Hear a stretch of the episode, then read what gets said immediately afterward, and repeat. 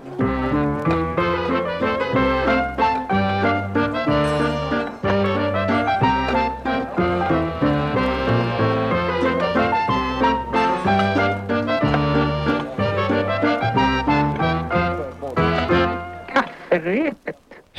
och fredag och välkomna morgon, veckor och eh, år. Eller hur det nu är Nisse brukar börja innan han tar om. Någonting sånt är det. Hej och välkomna till kafferepets succékavalkad. Är det en kavalkad? Hallå Johanna? Gick det här verkligen bättre? Gick inte bättre? Det är inte bättre. Jag, jag förstår inte varför vi skulle sparka ut Nisse ur podden. Jag har inte sagt att jag kan göra det här bättre. Hej, välkommen till kafferepet! Just det, Podden för dig som gillar historier. så spretig.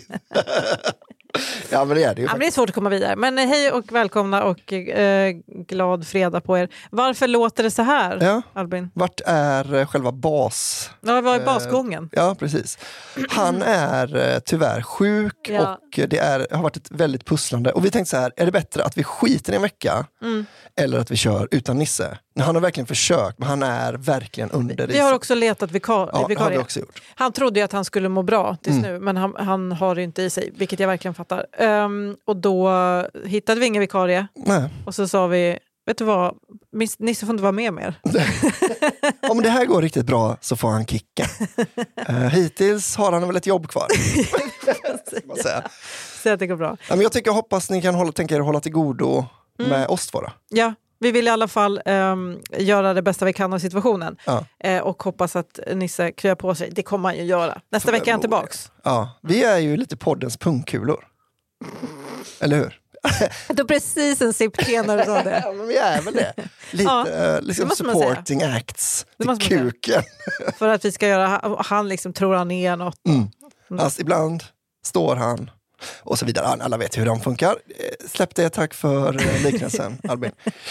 Du vet vad jag tror att... Eh, först berättar vi vad det här är för podd då. Mm. Om, ni, om ni första gången lyssnar, då är det inte en sån här snuske, fula ord. På, Nej. på, ja, Ja, Det kan det ju vara.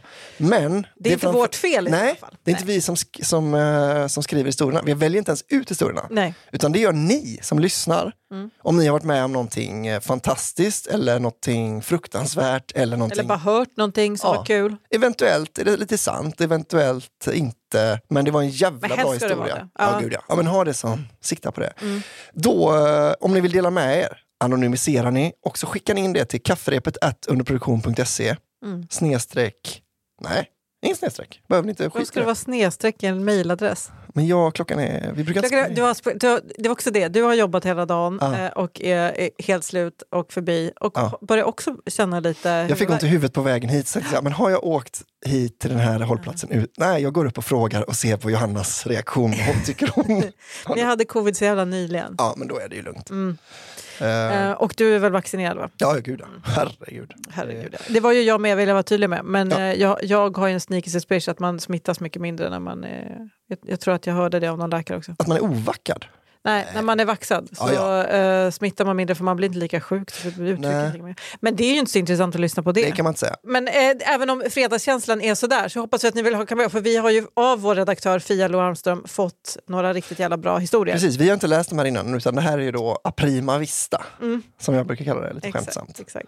Ehm, så då, då kommer det gå till så här att jag och Johanna Men vi pratade om att jag glömde, jag är på med mjukisbyxor med julmotiv. Ja, men och jag, glömde liksom fräscha till mig. Så kommer det jag är väl verkligen inte den personen som du känner så. Nu kommer Albin Nej, det är det på med. Nej. raffset. Obvi- Obviously not. Uppenbarligen Det inte. hade varit nästan lite creepy. Åh fy fan vad obehagligt. ja, det hade det faktiskt varit. Står här i mjukisbyxor och läppstift. Alltså, vi har förmodligen misslyckats med att förklara vad podden är. Så nu läser jag upp en historia från en lyssnare som vår redaktör Fia Lo Almström har skickat till oss. ja. Här kommer den första historierna. Swingers life och otrohet. En taxiresa med intressanta resenärer. Oj, oj, oj. Den, den lovar mycket. Ja, eller finns det svenskt kaffe på hotellet?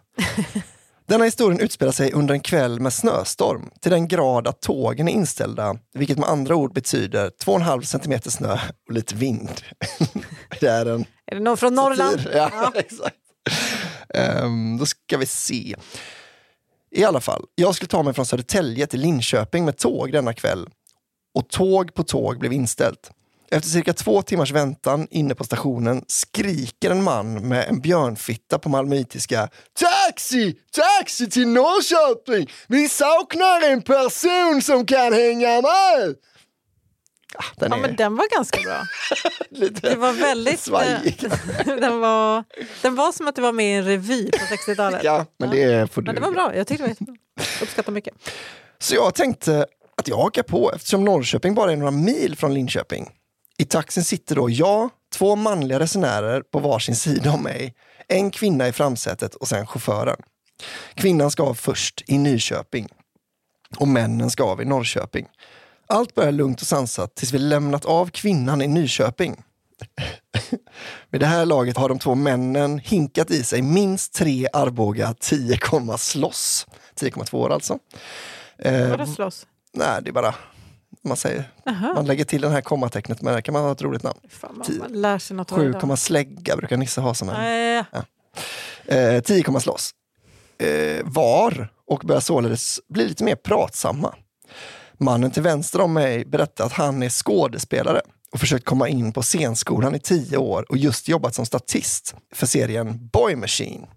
oh, världens bästa roligt. serie. För de som inte har sett den, är världens bästa. Men det var väldigt bra. Den var rolig. Mycket Väldigt- bättre än vad den fick cred för och utrymme Ja. för. Ja, Ja. faktiskt. Den andra snubben till höger med björnfittan öppnar dock upp sig lite mer och börjar med Nu kan vi lika gärna berätta vart vi är på väg och vad vi ska göra för, för jag skäms inte. Vet du varför vi ska till Norrköping? Åh gud, Norrköping. Ja. Där slog det mig. Jag inte gjorde det innan. Om man har kört stand-up i Norrköping så har man ju aldrig rullat in i Norrköping utan att någon har berättat vad de håller på med Nej, nej, men visst i Norrköping. Uh, vet du varför vi ska till Norrköping? Frågar han med en lite lullig ton. Nej, svarar jag med lite nyfikenhet. Vi ska på swingersklubben Adam och Eva, för min fru och jag är stamkunder där, kan man säga. och vi känner ägaren, så därför lyckas jag få in min polare som nu också sitter bredvid. För man får egentligen inte ta in singlar. Alltså gud vilken sjuk grej att berätta att ägaren är så här, "Ja, ja visst ta med din kompis. När det där Ja. med att inte ta med singlar är en här säkerhetsaspekt. Ja, verkligen. Förlåt men det blev lite mörkt. Lite pajat för Adam och Eva nu, ska jag Ja. tro. Så, vi, vi som är där ibland blir lite Oh. mindre sugen. Det här, ja. mm. Jaha, det låter ju spännande, svarar jag med lite osäker röst på hur man svarar på en sådan här konversation. Björnfittemannen frågar... Så har han en på sig då i taxin? Gissningsvis. Sådana brukar inte ta av dem. Nej, jag tror de sover sant. i dem. Ja, det är faktiskt sant. Björnfittemannen frågar då om jag har varit på en sån typ av klubb innan och jag svarar nej. Därefter börjar han förklara vad som kan gå till på en swingersklubb. Åh gud, är det här en kille eller en tjej? En kille. Jaha, det som skriver, det vet jag inte. En kille måste det vara. Måste De vara. väntade tills kvinnan gick av. Ja. Så då kände de sig Och då lite- bara, nu ska vi ta killsnack. Men också att man bara, vi vet vad ni gör på Ja. swingersklubbar. Alltså man vet ju i stora drag, men det kan, de kanske har detaljer, vi får väl se. Aha, mm. Han berättar att det finns alla typer av fantasirum. Allt från barhängssoffor till bondagerum som han liknade med att komma in till ett gym med redskap. Det sjuka i det hela är dock när han berättar om hur han och hans frus öppna förhållande är och vad de brukar göra på klubben. Så här va, jag älskar att se min fru njuta och det bästa hon vet är flera kukar samtidigt. Bästa minnet jag har är när fem andra män hade gruppsex med henne och jag ligger i soffan bredvid för att runka och titta på. Hon njuter och jag njuter av att se henne njuta. Men alltså, Har du partner förresten? Förlåt, men alltså, alla som håller på med swinging har en, alltså, liksom en, en helt konstig referens om, om vad man pratar med Ja, människor om. verkligen. Ja, att Alltså, det, att man bara, men ba, bara ordet njuta, Ja. om du inte pratar om typ Magnum Mandel, Exakt. tyst bara. jag var på hantverket och Ja. käka. Vilket njut. Där går gränsen. Ja, men gud ja. Äter någonting. Eh, jag har ingen aning om vad jag ska svara, för just då hade jag flickvän men visste inte riktigt om han frågade generellt eller om han frågade om frågan hade med ämnet han just berättat om att göra. Vad blir det för följdfråga om jag svarar ja? Liksom? ja verkligen. Jag skulle verkligen bara, hur får jag slut på det här snabbast? Vad, vilket svar är liksom... Ja. Ja. Jag svarar i alla fall att jag har flickvän och han bjuder mer in till själva klubben än till han och hans frus akt. Han berättar även att deras öppna förhållande är fritt att lägga ligga med vem man vill och när man vill, förutom i deras gemensamma sovrum. Nu är vi framme i Norrköping, männen går av och vinglar vidare mot klubben. I allt detta sätter jag mig nu i främre sätet bredvid chauffören som också hört allt. Så nu tänker man ju att det blir att briefa lite med honom om vad som egentligen sagts i den här taxin. Men innan jag hinner ta upp det så säger chauffören, vet du en sak? Nej, vadå? svarar jag lite nervöst. Du vet, jag är otrogen mot min fru och träffar nu en sån annan helt fantastisk kvinna. Nej. Men vad i helvete? Jag behöver en paus! Innan han hinner fortsätta så tänker jag, vad in i helvete är jag med om på en taxiresa alla två timmar? Han fortsätter, hon är så skön och vi har så extremt skönt sex. Jag träffar henne två gånger i veckan, du vet. Jaha, där ser man, eh, svarar jag, som känns som århundradets sämsta svar. Jag är verkligen så trött på min fru. Jag kan skjutsa dig gratis till Linköping om du vill, så kan vi fortsätta prata. Tack, men du, det är bra. Du kan lämna mig vid tågcentralen, svarar jag i traumatisk chock. När jag väl blivit avsläppt vid centralen har pendeltågen börjat gå så jag kan ta mig till Linköping. Jag sätter mig på tåget och börjar med att skalla sätet framför mig för att bekräfta att det hela inte är en dröm. Nope, fortfarande vaken. Senare under kvällen kommer jag till föräldrarna som faktiskt sitter och tittar på Boy Machine. Vem ser jag inte då som statist? Jo, snubben som satt till vänster och ville bli skådespelare. Jag sov länge den natten. Tack för mig. Åh oh, herregud. Han liksom startar taxichauffören och när de går av då är det min tur. Då ska jag berätta. Alltså... Åh oh, gud, men det var... Ja, men det, där har vi ett bra exempel på, det är kul. Ja. Det är kul för att det är så traumatiskt. Ja, precis. Mm. Men det är också, om det inte finns någon skräck i det, Ja. Så är det ju verkligen så här, okej okay, men jag kan ju också sitta kvar och bara lyssna nu för, för att... Ja, ja, ja. Nej, nej, det är bara äckligt. Ja, man bara, men, bitch please. Men man får ju aldrig höra såna historier annars. Nej. Man måste liksom söka det upp finns dem. overshares och de håller ofta på med swinging. Det, ja. det är ju i alla fall min eh, ja. spaning. Ta inte illa vid alltså, det. De är så, de är så vana vid det att de tycker att det räcker att säga Polly. Ja, exakt. Alltså, ni får säga hela ordet för alla är inte hundra med på jag på För mig är det godis. Ja, det är det. Mm. Nej men alltså, jag vet. Jag vet. Men om man känner sig som det finns ju även sådana chokladdragerade men jag kan känna mig som en sån moraltant. Man bara, nej men alltså jag har noll problem med att det här försiggår. Nej, bara nej. behöver inte... Nej, precis. behöver inte chokladdragera allt om du förstår vad jag menar. det är faktiskt... Okej, okay, slut på rant. Um, Okej, okay, ska jag köra min då? Ett första intryck. Detta kanske låter som en skröna, men det handlar om en av mina bästa kollegors bästa vänner, så jag är väldigt säker på att den är sann. Det låter ändå lite långt, men skitsamma. Den, den här är sant. Min kollega var dessutom så mån om att inte röja identiteten på sin vän så jag vet inte alls vad vi kan kalla personen i fråga för att vara säkra på att inte nämna henne vid namn. Låt oss kalla henne Gertrud och chansa på att Gertrud inte är ett namn som är så vanligt bland tjejer i 20-30-årsåldern i Stockholm. Ja, det är ovanligt. Mm, det är ovanligt. Och så heter hon exakt. Ge det fem år i och för sig, det känns som det är sådana namn som kommer nu. Gud ja. Uh, men det är alltså någon som är 20-30 nu? Ja. Mm. Då vet jag vem det är. Då vet jag exakt vem det är. Gertrud alltså en ung tjej i Stockholm som hade dejtat en kille ett tag och var upp över öronen förälskad. Det var sommar och dagen hade kommit för pojkvännen att introducera Gertrud för sina vänner.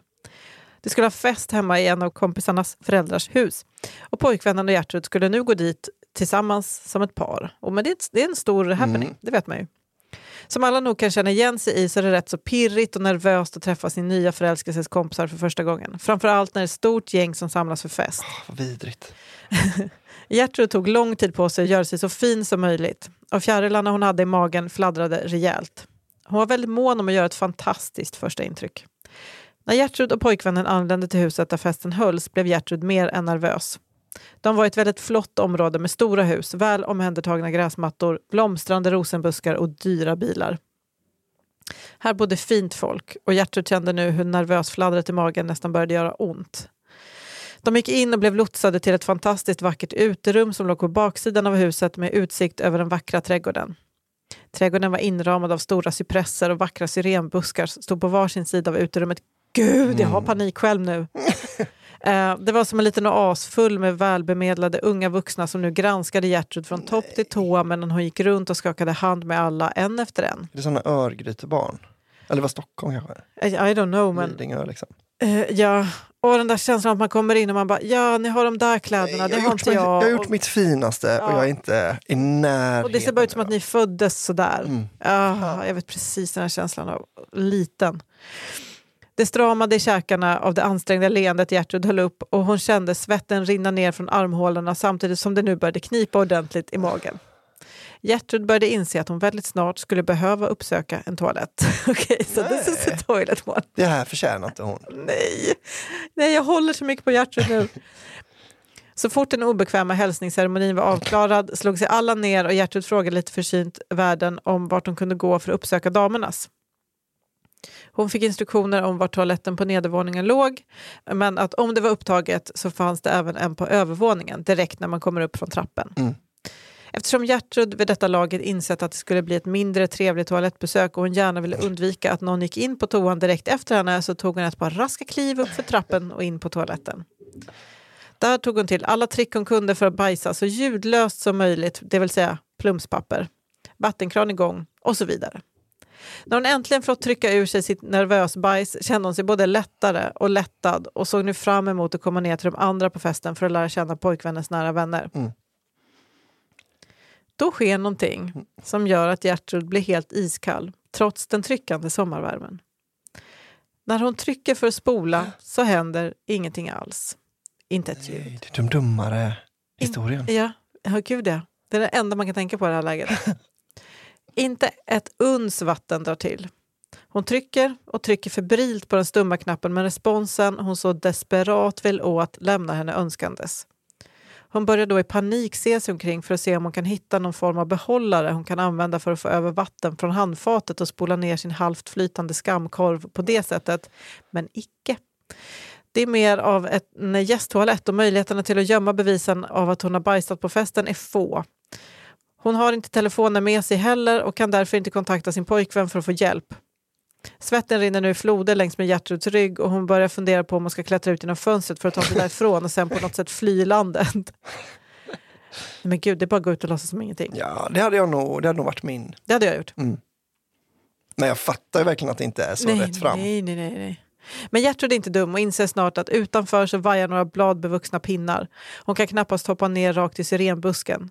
Men däremot så skulle hon kunna fiska upp sin korv och hiva ut den genom fönstret och ner den tätbevuxna busken för att på så sätt dölja vad som skett inne på toaletten. Men här slutar jag tycka synd om Det är här man tänker Gertrud! Men varför gör, hur kan det, alltså jag fattar ju att folk i chock agerar på, på liksom konstiga sätt. Men hur, i vilken hjärna är det här det logiska? Gertruds. Ja, det är en person, ja, jag vet inte, det känns som att det alltid är det här folk gör. Mm. Ja, ja. Alltså, jag vet. Nej, men alltså, jag har panik. Jag har som panik. Gertrud ser alltså sin chans att undvika smeknamnet Bajs-Gertrud bland killens kompisar och istället få leva vidare som en tjej som endast kissar. Mm. Sagt och gjort. Gertrud sträcker ner sin hand i det kalla vattnet och fiskar upp sin ljumma Ursäkta? bajskorv. Mm. Hon hade pinnar utanför, ja, ja, de kanske inte Nej, nej, alltså, hon menar nog på att utanför så växer det. Alltså, ja. Väldigt eh, skral, alltså, Okej. inte sturdy trees. Att Nej, jag tyckte att det var en idiotidé om hon hade någonting att peta upp den med. Mm. Alltså ett verktyg. Mm. Det är ännu dummare det här. Ja, men det här gör ju att man börjar må dåligt. Ja. Hon öppnar upp fönstret och kastar snabbt ut korven över lövverket, stänger fönstret, tvätt- tvättar sen av sig noggrant. Nöjd med sig själv, hur hon löst situationen, tar sig ner för trappan och går, ut, går mot uterummet. Där möts hon av ett stort gäng skärrade personer med vilt uppspärrade ögon. Ögonen spärras upp ännu mer när Gertrud kliver in i rummet och många sätter händerna för sina munnar i chock. Gertrud fångar undrande sin pojkväns blick och han liksom hoppar med blicken mellan Gertrud och taket. Gertrud tittar upp och vill direkt dö. Uppe på taket i det vackra uterummet finns det nämligen fyra takfönster. Nej. Ska vi flytta in festen? På ett av dessa fönster vilar någonting brunt, nämligen Gertruds nervös bajs. I sin uppstressade sinnesstämning har hon siktat fel eller helt missuppfattat syrenbuskens plats och i panik hivat ut sin korv alldeles för snabbt utan att dubbelkolla vare sig sikt eller position. Bajskorven har då efter en kort stund fri flykt landat med blöt smäll rakt ovanför huvudena på gästerna och sen glidit en liten bit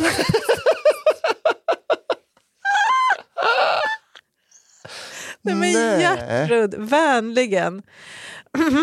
Ha, då går jag då. Tack för mig. Hej då. Mhm.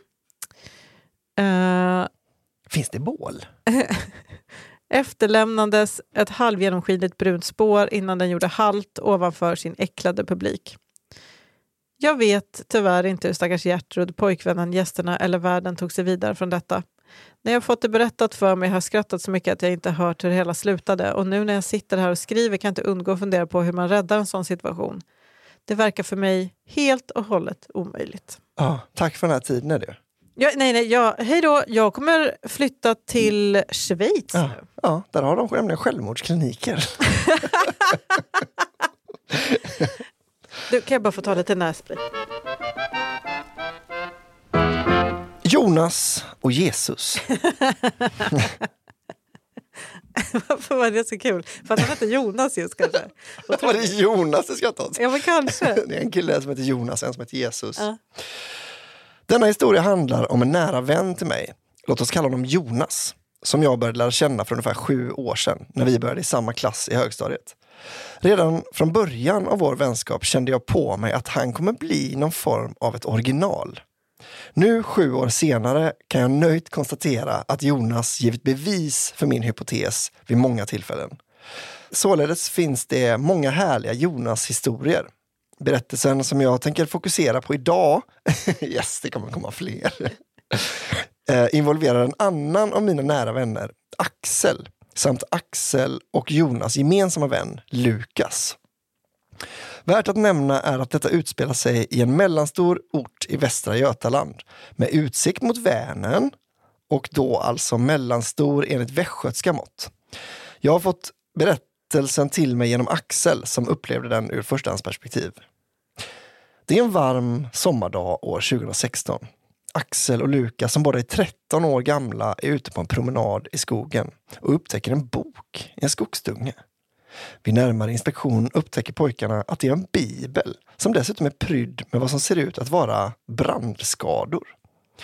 Pojkarna tycker att det vore ett fantastiskt roligt skämt att filma när de urinerar på den tydligt brända bibeln och skicka videoklippet till Jonas, som är religiös och nykonfirmerad.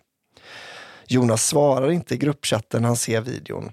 Dagen därpå frågar Jonas ifall Lukas och Axel vill ses och gå en promenad, vilket är ovanligt för Jonas då han tycker mycket om vetelängder. och mest brukar eh, vilja sitta i sin källare och spela tv-spel. Lukas och Axel blir således misstänksamma och tänker att det kanske var ett övertramp att kissa på Bibeln. Kanske lite. Ja, När, när, när de skrev det, jag bara, "Gud, vem låter som originalet nu? nej verkligen. Att man bara, jag Det fick är ska jävligt kul! Det är en jävligt rolig video. Väldigt kul. Eh, kanske varit övertramp att kissa på Bibeln eftersom Jonas varit så kort i sina meddelanden i chatten. Lukas och Axel kommer överens om att gå ut och gå med Jonas och förväntade sig att mötas av en sårad konfirmand som de skulle be om ursäkt till. När de emellertid mötte Jonas vid det lokala kaféet verkar dock allt vara frid och fröjd. Jonas har en läsk i handen vilken han sveper kort efter de andras ankomst och säger att han måste låna kaféets toalett innan de ska gå sin promenad. När Jonas gått in pustar de andra ut över att Jonas inte verkar ha tagit illa upp. Några minuter senare kommer Jonas ut från kaféet, fortfarande med läskburken i handen. Han går mot de båda andra, men stannar sedan tvärt några meter ifrån dem för att kvickt, men precis slunga läskburken mot de andra. När läskburken flyger genom luften kan Axel skymta en gul vätska skvätta ur öppningen. Och innan burken når sitt mål hinner han precis tänka men Pepsi är väl inte gul?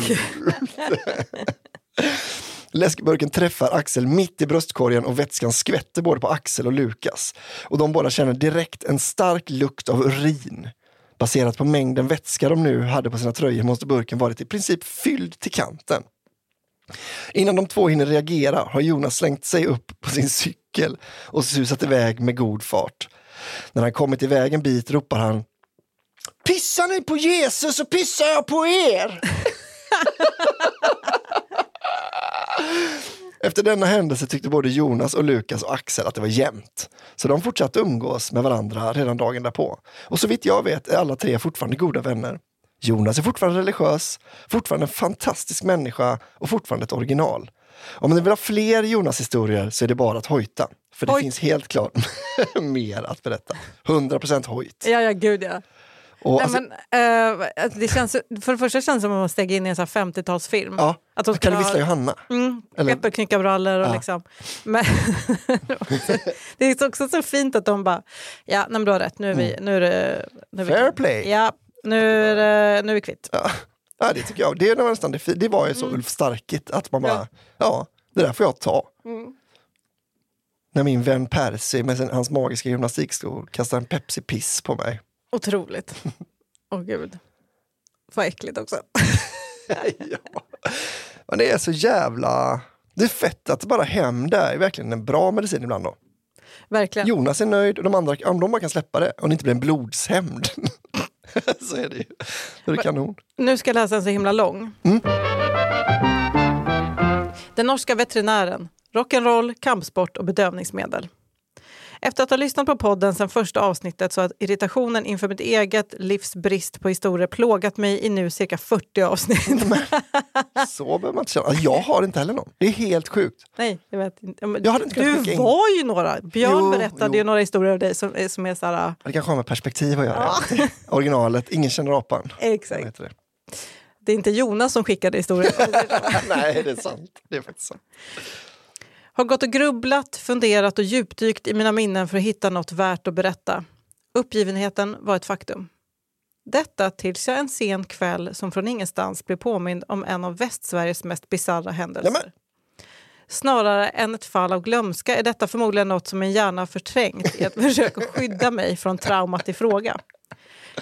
Nej, det är inte den gången jag glömde låsa toadörren på restaurangen som liten och nej, det är inte heller när jag på samma restaurang ett år senare, ett, ett år tidigare sjöng Måns Zelmerlöws Cara Mia så högt att hela lokalen fick ta del av min något entoniga skithusprestation av det högst mediokra mellobidraget, Men en barn i det här läget då förmodligen. gissningsvis.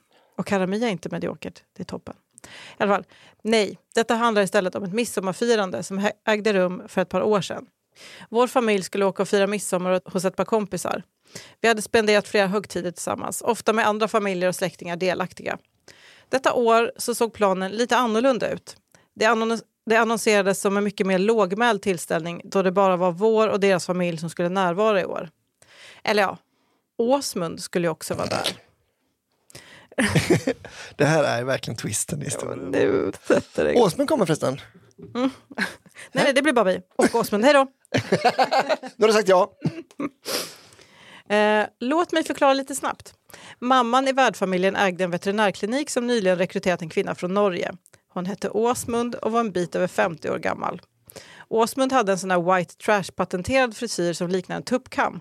Ni vet en sån frisyr folk som stör sig på utländska busschaufförer har. Ja. Nu var inte rasism en del av något eh, som gjorde Åsmunds närvaro högst problematisk att ha bland oss barn.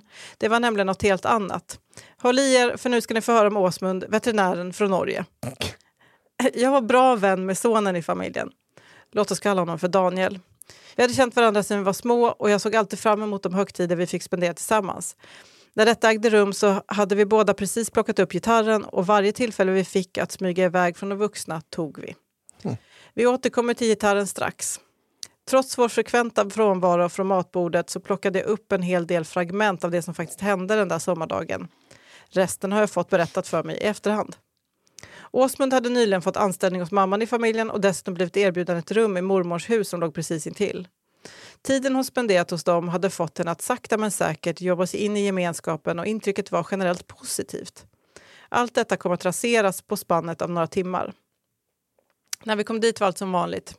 Lite småprat, ett glas champagne och förrätt stärkte den skyltade stillsamheten vi alla hade förberett oss för. Åsmund försvann ner till sitt rum tvärs över gatan med jämna mellanrum. Inget som egentligen väckte någon vidare misstanke trots att det noterades av samtliga. Jag och Daniel ursäktade oss och försvann in på hans rum ett, en stund. Varför kan jag inte säga en? Konstig familj. Vilka konstiga familjer det var, verkar vara. Mm. Om du hade varit förälder och du hade, du hade en kompis, eller var de släkt? Mm. Och så de, båda sönerna vill gå in i sitt rum och bara umgås och spela gitarr. Mm. Man hade bara varit så, ni behöver inte komma ut och be om ursäkt för detta. Var Nej. borta borta bara. Verkligen. Det är kanon. We love it when you're not here. Exakt. Um, De kanske älskar sina barn i och för sig. så kan det vara. Det är så olika det där. Jag och Daniel ursäktade oss och försvann in på hans rum en stund. Eh, rätt som det var hördes en knackning mot den stängda dörren. Vi tog för givet att det var någon av våra föräldrar som skulle berätta att maten var klar. Men icke sa Nicke. Handtaget vreds om och vem stod där? Jo, det var såklart Åsmund. Med ett leende brett som en raggarkam traskade hon in och bröt tystnaden med ett Hej gutter! Vi hälsade så artigt. Hon såg att vi kollade på datorn och berättade att hon väldigt gärna ville visa oss något. Vi blev ombedda att googla ordet uncle. Vi fick det förklarat för oss att det var ett band hon trodde att vi skulle gilla. Kvällens första problem uppstod när det fanns absolut noll tecken på att bandet Uncle faktiskt existerade. I alla fall inte det bandet hon pratade om. Ungefär tio gånger pekade hon på samma klipp som, tror eller ej, aldrig var det klippet hon faktiskt letade efter. Under denna tid yttrade hon dessutom inget annat än just Uncle som till slut påminde mer om ett mantra än något annat. Gud vad obehagligt. La Uncle bakom oss, inte för att Åsmund gav upp utan för att fokus helt enkelt skiftade till något annat. Vad det var fick vi aldrig riktigt något hum om. Detta tills vi hörde tonerna av en gitarr bakom oss. Det var Åsmund som hade plockat ner Daniels skura och i skräddarställning på golvet bestämt sig för att rocka loss lite. Låten hon valt att spela, Hotel California av Eagles. Hennes prestation präglades av ett ständigt fnittrande och texten hade en tendens att stundvis skilja sig från originalet. det, var, svårt att tyda orden. Men jag vill minnas att jag hörde något i stil med I'm with Daniel and his friend rock and roll will never die. inte end. Det enda som indikerade på att hon faktiskt hört låten var att man ibland kunde urskilja titeln sjungas mellan de improviserade verserna. När de spelade fel så rodnade hon och försökte dölja sitt ansikte bakom gitarren. Likt ett litet barn som tror att man inte kan se dem gömma sig så kikade hon fram och försökte hålla sig för skratt. Det var minst sagt obekvämt för oss att se en vuxen människa bete sig så här. Efter denna serenad så reste hon sig upp och skulle äntligen befria oss från den fruktansvärt stela stämningen. Men inte innan hon satt på lite Sabaton och förklarat konceptet krig för oss.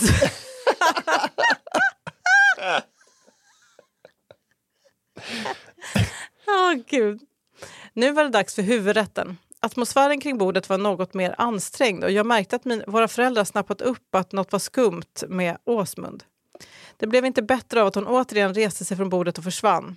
Daniels mamma gick in i köket för att hämta något att dricka till oss barn. I köket kommer hon att möta något av en överraskning. Okej, vi tar det här stegvis.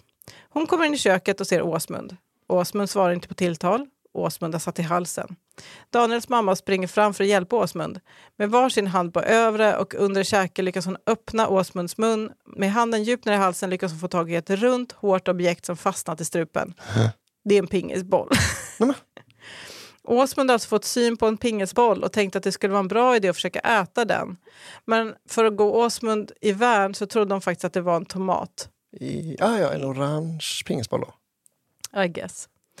Ännu är kvällen ung. Åsmund har mer att bjuda på. När hon är berusad nog att blåsa högre än hela stans A-lagare får reda på att min pappa är gammal kampsportare så är det något som tänder till i henne. En väldigt primitiv lust för handgemäng vaknar till liv i Åsmund.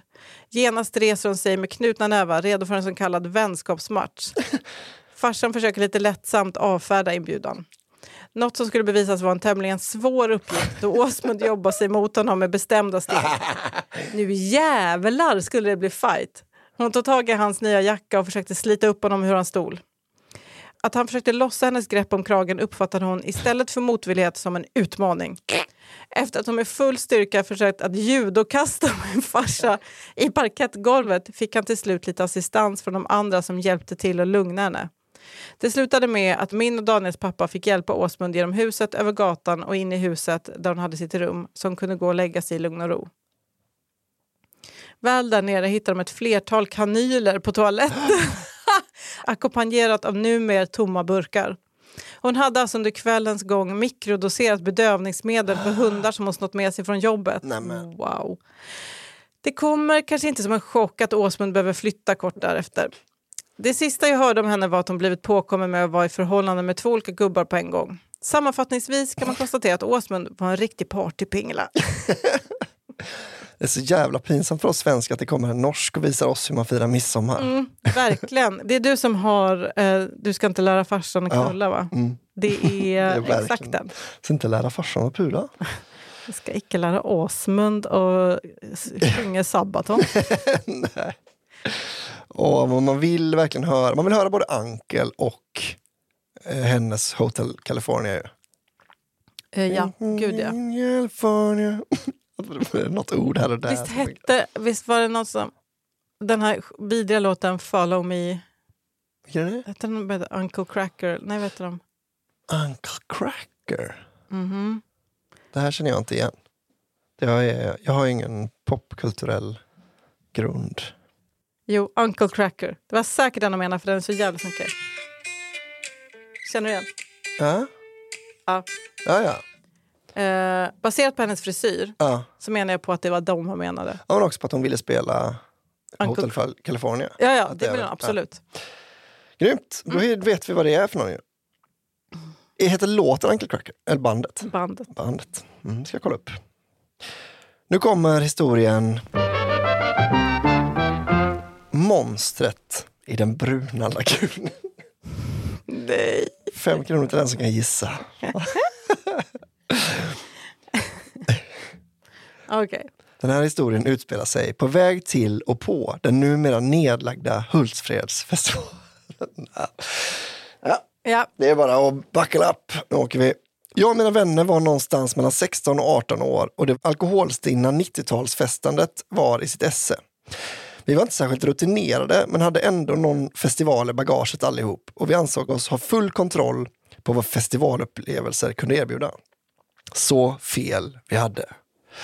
Jag och min närmsta vän hade lärt oss brygga turbovin på stadiga 23 procent.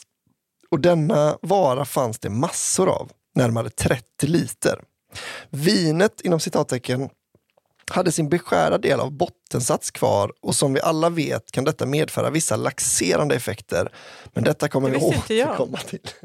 Visste du Inte jag det? heller, nej. Nej. Men jag tror att om man har bryggt turbovin fler än en gång så vet man. Om man vet vad turbovin är kanske. Jag tror också kanske att bottensatsen är lite så, det var dillen i kräftorna som gjorde att jag blev... Mm. Alltså Eller vinet kan nog ha laxerande effekt. Det är ingen fara att dricka vin, det är tanninerna vet du. Exakt. Mm.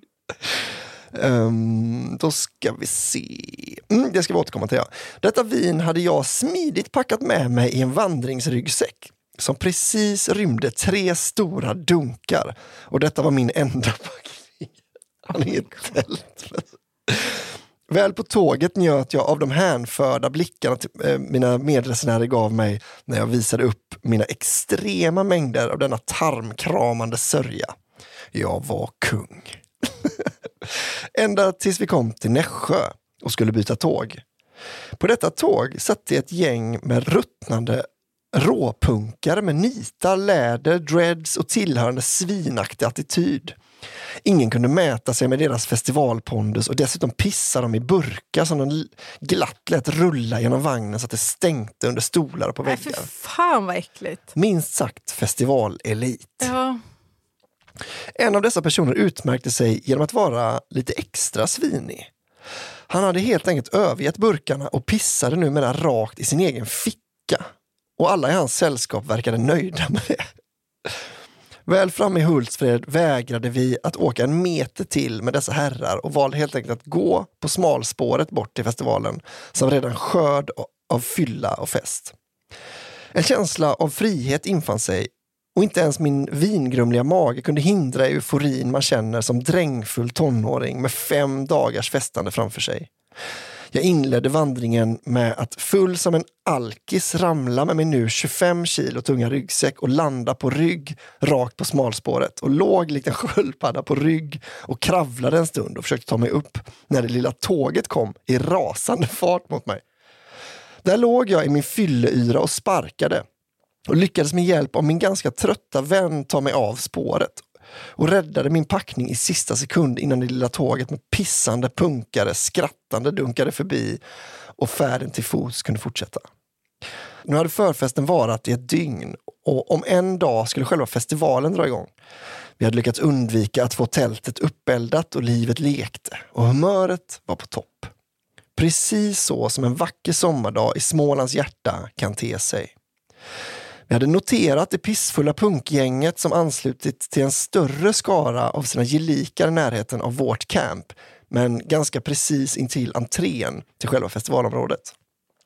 Där var fyllan en helt annan kaliber och de betedde sig mer som Sauromans urukhajer och orkerna när de var halvnakna och leriga krälade runt i sina spyor och kirkaos.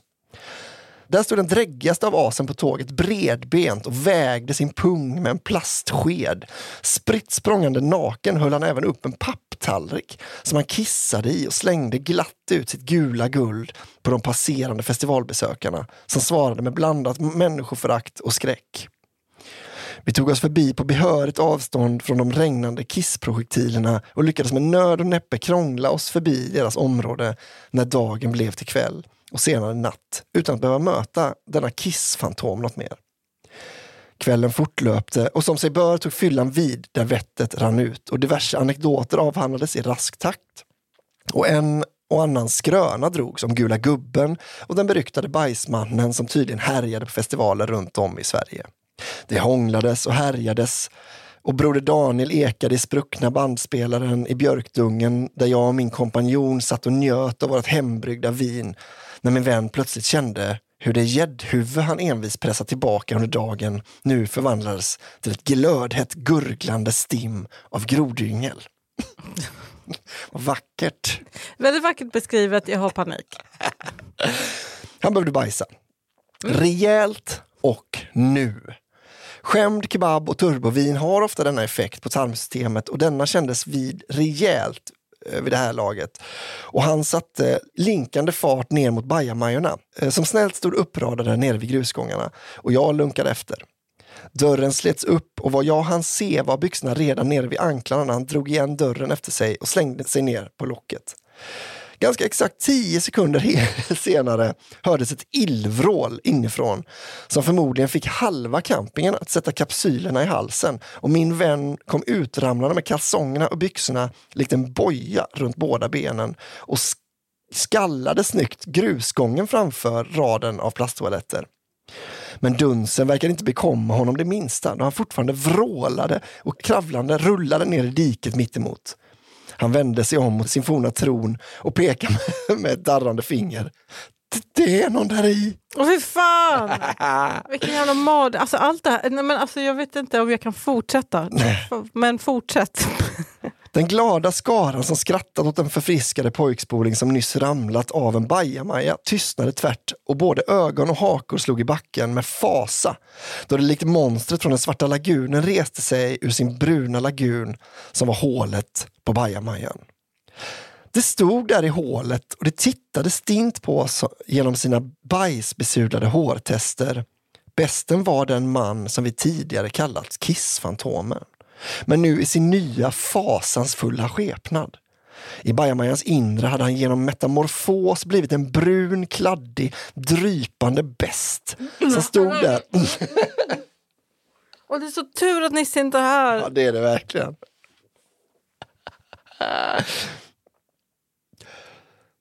Är du... Nej, inte riktigt. Men det är bara fortsätt. Jag får bara... Mm. I'm just riding this one out. Ska jag ta om det där? Nej, nej tack. Nej. Eller?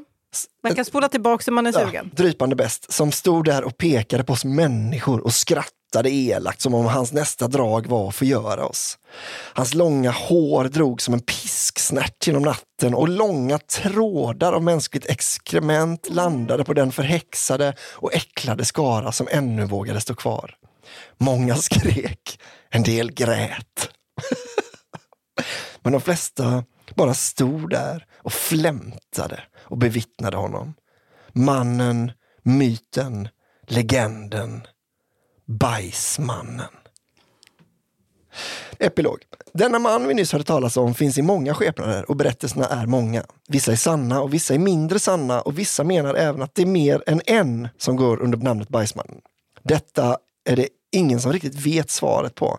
Men att ovan nämnda människa är verklig vet jag, då jag under senare år flyttade till Göteborg för att studera och kom då i kontakt med denne och hans vänner som genom otaliga berättelser gav mig betryggande bevis på att detta var en och samma man och att det inte var första gången.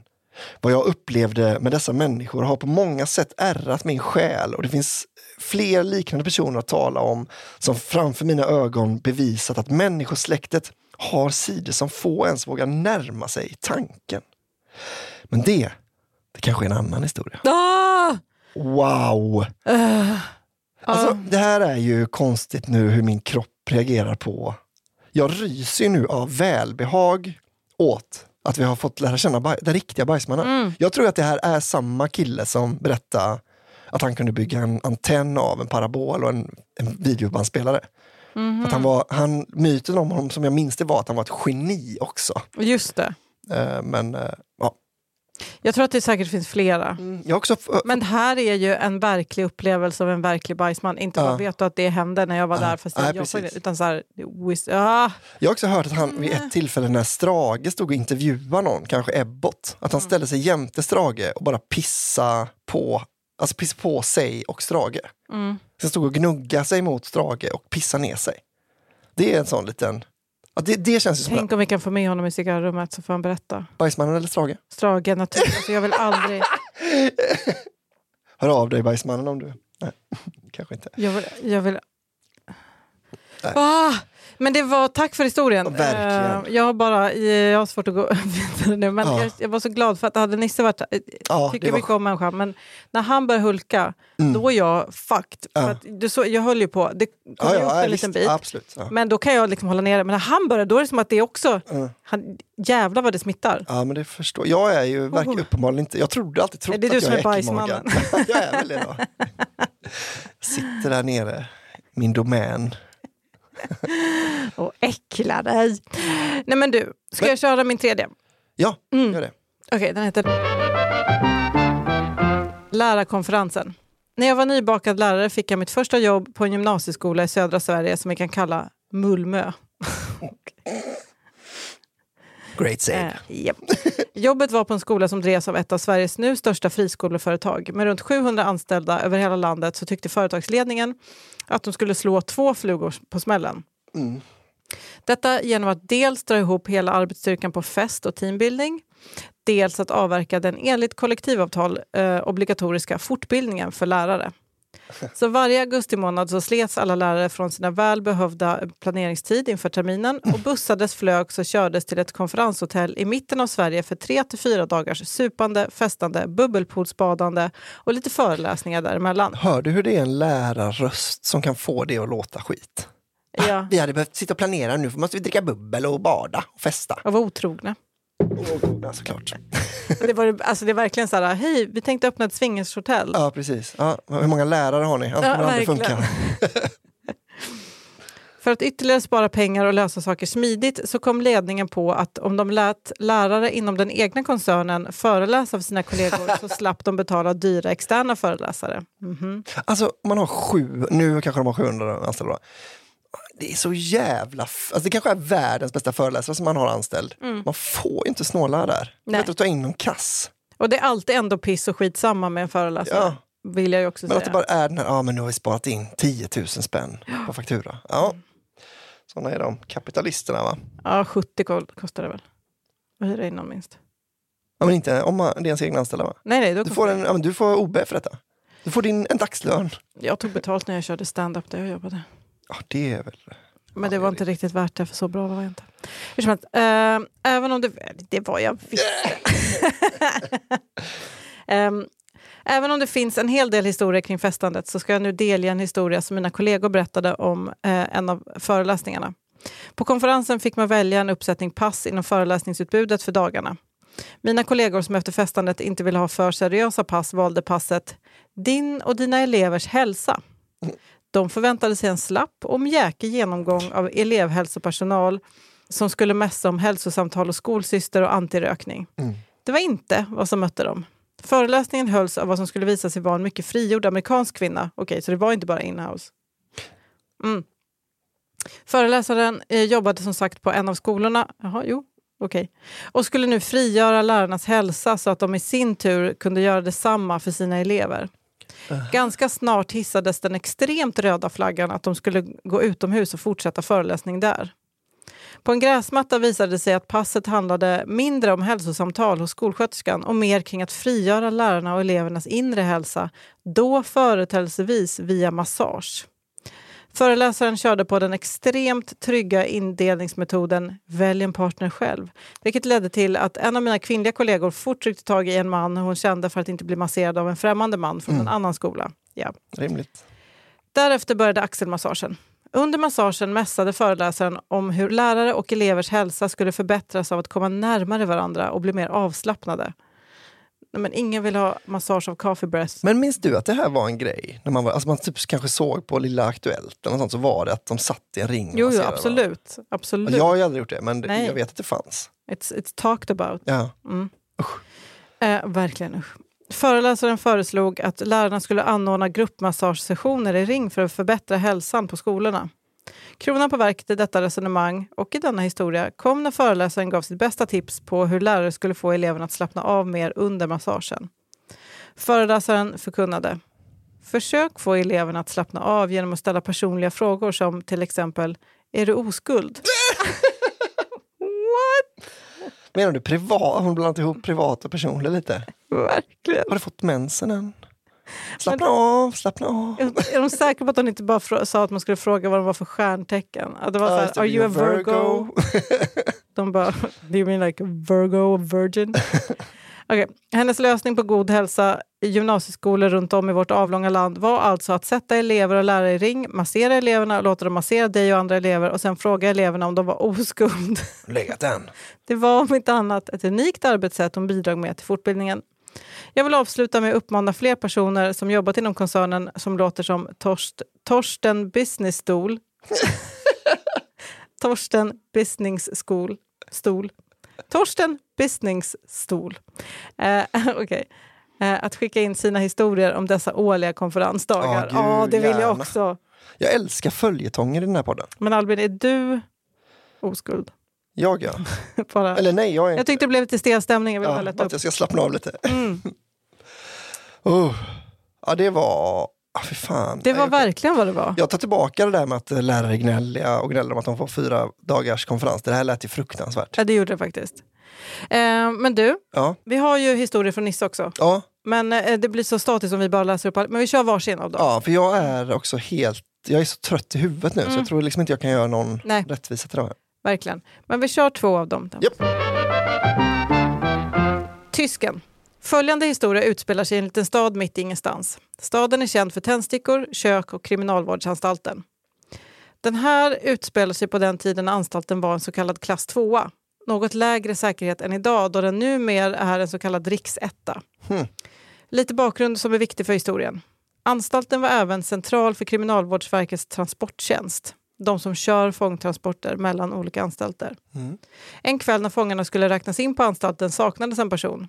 Det var en tysk herre som saknades. Det hade alltså skett en rymning. Larmet gick och polisen gav sig ut och letade. Även transporttjänsten kopplades in och några plitar gav sig med transporttjänsten ut för att leta efter förrymda fångar. Transporttjänstbilen med personal hade råtur. Längs med vägen såg de tysken, klädd i träningsoverall, som är alla fångars standardklädsel. Ja, de såg alltså tysken klädd i träningsoverall stå och lifta söderut. Bilen tvärnitar och tysken tas bryskt om hand. Han buntas ihop i bilen och körs tillbaka till anstalten och slängs in i en isoleringscell.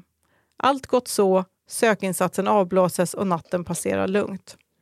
På morgonen går översynaren, eh, chefstjänst inom kriminalvården, in till isoleringsavdelningen för att kolla till tysken. Med ett vrål konstaterar han att det är ju för fan inte han! Nej. Det var alltså en helt random tysk som hade stått och lyftat vid vägkanten. Oj, vilken överraskning. Händelsen tystades ner då man erbjöd den liftande tysken gratis skjuts hem till Tyskland på statens bekostnad. Oj, vilken... Alltså jag hade begärt, man hade kunnat begära hundratusen spänn. I know, det var som att de bara hoppas inte han fattar det. Alltså. Då kommer veckans sista nu då. Ja. Gustav, curlingmamman och husdjuren. Under gymnasiet gick jag på en pytteliten skola i Mellansverige. Från den skolan finns säkert tusen historier och skrönor att hämta, men det ni nu ska få höra är min personliga favorit. Kanske börja lägga in eh, en liten trigger warning om skadade djur här. Ja, tack för det. Japp. Det var inte meningen att säga tax. Det blev bara så. Det var verkligen, det är, nej, det är inte ett pappaskämt jag drar. Alltså, det vill jag bara. På skolan arbetade en lärare som vi kan... Nu, nu börjar vi verkligen tappa det här. Ja. Ja, men jag tror, Nisse är sjuk, du är utarbetad, jag är alltid utarbetad. Det, är, det är vad det är det här. ja, men fy, alltså jag skulle säga att tre historier egentligen är, det är min absoluta gräns. Fjär, Ja. Fyra är för mycket egentligen, men ja, jag tror det kommer bli kul ändå. Jag, jag är väldigt spänd på vad som ska hända. Ja. På skolan arbetade en lärare som vi kan kalla för Gustav. En eftermiddag var Gustavs elever ovanligt trötta och griniga och Gustav bestämde sig för att pigga upp dem med en historia. En historia från Gustavs egen barndom. När Gustav var liten hade Gustav haft ett marsvin. Gustav älskade sitt marsvin. Han lekte med det, matade det, gosade med det. Kort sagt, marsvinet var Gustavs bästa vän. Men en dag så blev marsvinet sjuk och dog. En förälder till ett barn som just förlorat sitt älskade husdjur brukar vanligtvis säga något i stil med att djuret har dött, men att det kommer bli bra i djurhimlen. Men Gustavs mamma var inte en sån förälder. Hon berättade inte för Gustav att marsvinet dött. Istället gick Gustavs mamma till en taxidermist och lät denne stoppa upp marsvinet. Familjen hade sedan det döda marsvinet i bokhyllan i vardagsrummet Och vilken ångest! och sa till Gustav att den bara sov. Va? den har blivit Nej men alltså, nattlevande. jag trodde nog ändå att det liksom... Nu är det som ett gosedjur istället, men Ja. nej. Därav curlingmamman då antar jag. Mhm. Så Gustav fortsatte att älska sitt marsvin, matade det, klappade på det och så. Men eftersom marsvinet inte var så roligt längre så skaffade Gustavs familj en katt. Så att Gustav skulle få en ny kompis. En dag när Gustav kom hem från skolan mådde dock katten inte riktigt bra. Det betedde sig som att han hade ont i magen. Snart upptäckte familjen vad som hänt. Katten, som vanligtvis inte fick vara i vardagsrummet, hade tagit sig in dit och upp i bokhyllan. Där hade den börjat äta på det uppstoppade marsvinet. Jag vet inte hur mycket ni vet om taxidermi, men på den tiden Gustav var liten användes vanligtvis arsenik när man stoppade upp djur. Katten hade alltså ätit på det uppstoppade arsenikmarsvinet och blivit förgiftad. Åh nej. Detta slutade med att även katten dog. Det här är så makabert. Den tog dock mamman inte till någon taxidermist. Dock, dock så tyckte mamman att det var så synd om Gustav som förlorat sina två älskade husdjur på ett så brutalt sätt att hon tyckte att han skulle få ett nytt. Denna gå- gång fick Gustav en sköldpadda och det gick jättebra. Tills det blev sommar. Gustav bodde i en lägenhet och tyckte synd om sköldpaddan som behövde vara inomhus när det var så fint väder. Så Gustav tänkte att sköldpaddan skulle få gå ut en stund. Sagt och gjort så låste han ut sköldpaddan på balkongen. Själv gick han av någon anledning in för att göra något annat. När Gustav en stund senare skulle kolla till sköldpaddan blev han helt förskräckt. För precis i det ögonblicket han tittade ut kom en fiskmås.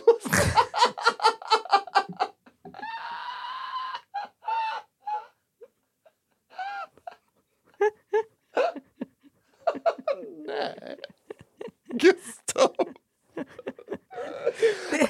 Det är som den här Nile City-sketchen. Ja. Alltså jag trodde jag var hundra på att, att den stackars sköldpaddan bara hade kokat ihjäl Ja. i solen. Jag med. Men det, Det det var-. Det var, det var punchigare än Det var så. naturen som tog Ja. den. och den tog med sig sköldpaddan och flög iväg. Mest troligt blev sköldpaddan sedan mat till familjen Fiskmås. Efter det vet jag inte om Gustav fick några fler husdjur. Otroligt. Ah, fan vilken bjussig lärare. Ja, Ah, fan ni är på dåligt humör men nu ska ni få höra något. Det är ju fan, eh, fan alltså vad schysst. verkligen. Man vet att det är rolig på hans bekostnad. Ja, det var snyggt. Känn på den här, jag har varit med om något fruktansvärt dramatiskt och ni kommer skratta. Eh, nu, nu brukar vi göra så här då i den här podden, att vi utser den historien som eh, har mest, eh, eller som liksom både vi älskar mest kanske, eller den som har mest retail value. Eller vad Alltså säga. den man får ta vidare och berätta för alla andra som sin egen. Ja, alltså, vi som- skapar helt enkelt skrönor Precis. av eh, verkliga historier. Ja, och jag nästan vill jag diskvalificera Bajsmannen. Nej men den är redan. För den, den är ju redan, ja precis. Det blev bara ännu en i raden av, har du hört den här om bajsmannen? Ja. Och jag menar den var grym. Den var otrolig. Eh, men ja, den görs, den görs inte som Tänk att de har åkt tåg med Bajsmannen I know! hela Och sett vägen. honom sitta och kissa i sin egen ficka. I fickan Kan, kan, Nej, men Hur når han ens? Jag vet inte. Eller han kanske i jackfickan typ. ja, kanske. För jag Ja, såg att han hade gjort någon liten båge upp. med den i, i fickan. liksom. På. Ja, Ja, bågen med snoppen. ja, Ja, liksom- ja, ja. Man liksom- kan, kan hänga ner skinnjackan då. ja. Ja, Fått in ollonet. i han Liksom. kanske är väldigt välhängd. Vad vet vi om bajsmannen egentligen? Verkligen inget. Men den där killen, allt. Hör gärna av dig om det. Eh, Så jag, vilka har vi läst då? jag har läst eh, ett första intryck. Det är om Gertrud och bajskorven. Just, åh herregud. Ja, jag vet. Men jag, jag, först jag bara, vad är det här? Åh, den hade jag glömt bort lite. Mm. Vilken mardröm. Otrolig. Och sen har jag läst om eh, den norska veterinären. Alltså, vad heter hon? Åsgård? Nej, Ja. Åsmund. Ås, Vad glad, Åsmund. vad glad jag blev att den personen som har liksom letat i sitt inre efter, liksom sitt djupaste efter en historia, har den här jävla panghistorien som man sitter och... Alltså, det måste ändå vara så här, "Åh, jag kom på det. Ehm, och sen så har ju lärarkonferensen med massagerna där man frågade om de var oskuld. Och sen läste jag också om tysken som fick åka in i fängelse. Just det, Fel tysk. ja. Den är också jävligt bra. Alltså. Vad var min sista där? Jag har glömt bort vad den hette. Eh, du läste Gustav. Husdjursläraren, ja. Mm. Jag har då läst Gustav som... eh, Gustav, kanske han hette? Mm. Eh, jag har läst Swingers Life och Otrohet, en taxiresa med intressanta resenärer. Den hade du extrem ångest av. Ja, och också att man bara, nej jag vet, alltså de här människorna. Vi har Jonas och Jesus. Jonas då som, som det känns som att han Ännu mer piss bara. kan komma och dyka upp igen ju. Mhm. Jonas. Det hoppas vi på. Och då monstret i den bruna lagunen. Mm. Eh, alltså bajsmannen. Mm. Det är verkligen inte för att jag tyckte den var dålig som man, som man diskvalificerad. Nej. Men Alltså- eh, ingen kommer tro dig för det finns så många. Ja, och också så, som sagt, man vill inte att den drunknar. Nej, precis. Men jag menar, by all means, ljuset. Den är underbar. Men, Nej, jag minns. eh, men eh, alltså, jag gillade ju Gustav och husdjuren. Ja, den, den är ju fantastisk. Jag gillade Gertrud. Alltså jag gillade alla, men jag bara säger som... ja. Gertrud, ja. Åh, Ja. herregud. Tysken är inte heller dum, Nej. men den kommer liksom den, det låter för mycket som ett ljug. Och i den här historien så hade, så hade ju personen skrivit så här, det här är det, så man fattar, aha, du jobbade där. Alltså det var ju Ja, liksom väldigt nej, tydligt precis. att så här, this is from me, och det behöver den liksom vara. Ja. Men, Ja, har du någon, uh, någon sär... nej, men alltså eller? egentligen Gustav och djuren. Alltså. Ja, det är kanske det. Jag, jag det står kanske mellan den och Gertrud då, men, Ja. men jag kan köpa... Ja, Gertrud är att de slänger ut bajskorven genom fönstret. Men alltså, det, jag tänker så här, att det blir så, ah, gud vad många versioner det finns av samma historia. Mm. Men, eller är det att vi har så många Det galningar i det här landet? Ja, Som liksom inte vet hur man beter sig med bajs. och att vi har för mycket känsla av, vad gör jag nu? Jag tycker den är, den är otrolig alltså. Mm. Jag tycker nog ändå, det här med fiskmås-twisten tycker jag är... Ja, men den satt bra. Och, alltså att hon, stoppar upp marsvinet och han fortsätter gå på att den lever. Sover på dagen. Hon tycker synd om honom så hon köper en katt. Katten käkar upp marsvinet. Ah, Han får en sköldpadda och den tar en fiskmås. ah, Det är rappt. ah, verkligen. Det här är ju inom, liksom inom några veckor. Ja. Det bara dör runt honom. Ja. Ja, men den kanske det får bli då. Vi får se det. Uh, hörni, om ni har historier, skicka dem till kafferepet underproduktion.se. Mm. Tack Fia Armström som Ja. är vår redaktör. Tack Daniel Aldermark på One Touch Edit. Som klipper. Och tack Nisse, krya på dig. Ja, Eller tack och tack. tack. Hoppas du Tack. kryar på dig. mår lite bättre än någon annan dag. Tack för att ni lyssnar. Eh, Och- trevlig helg. Trevlig helg ja. Hej då. Hej då!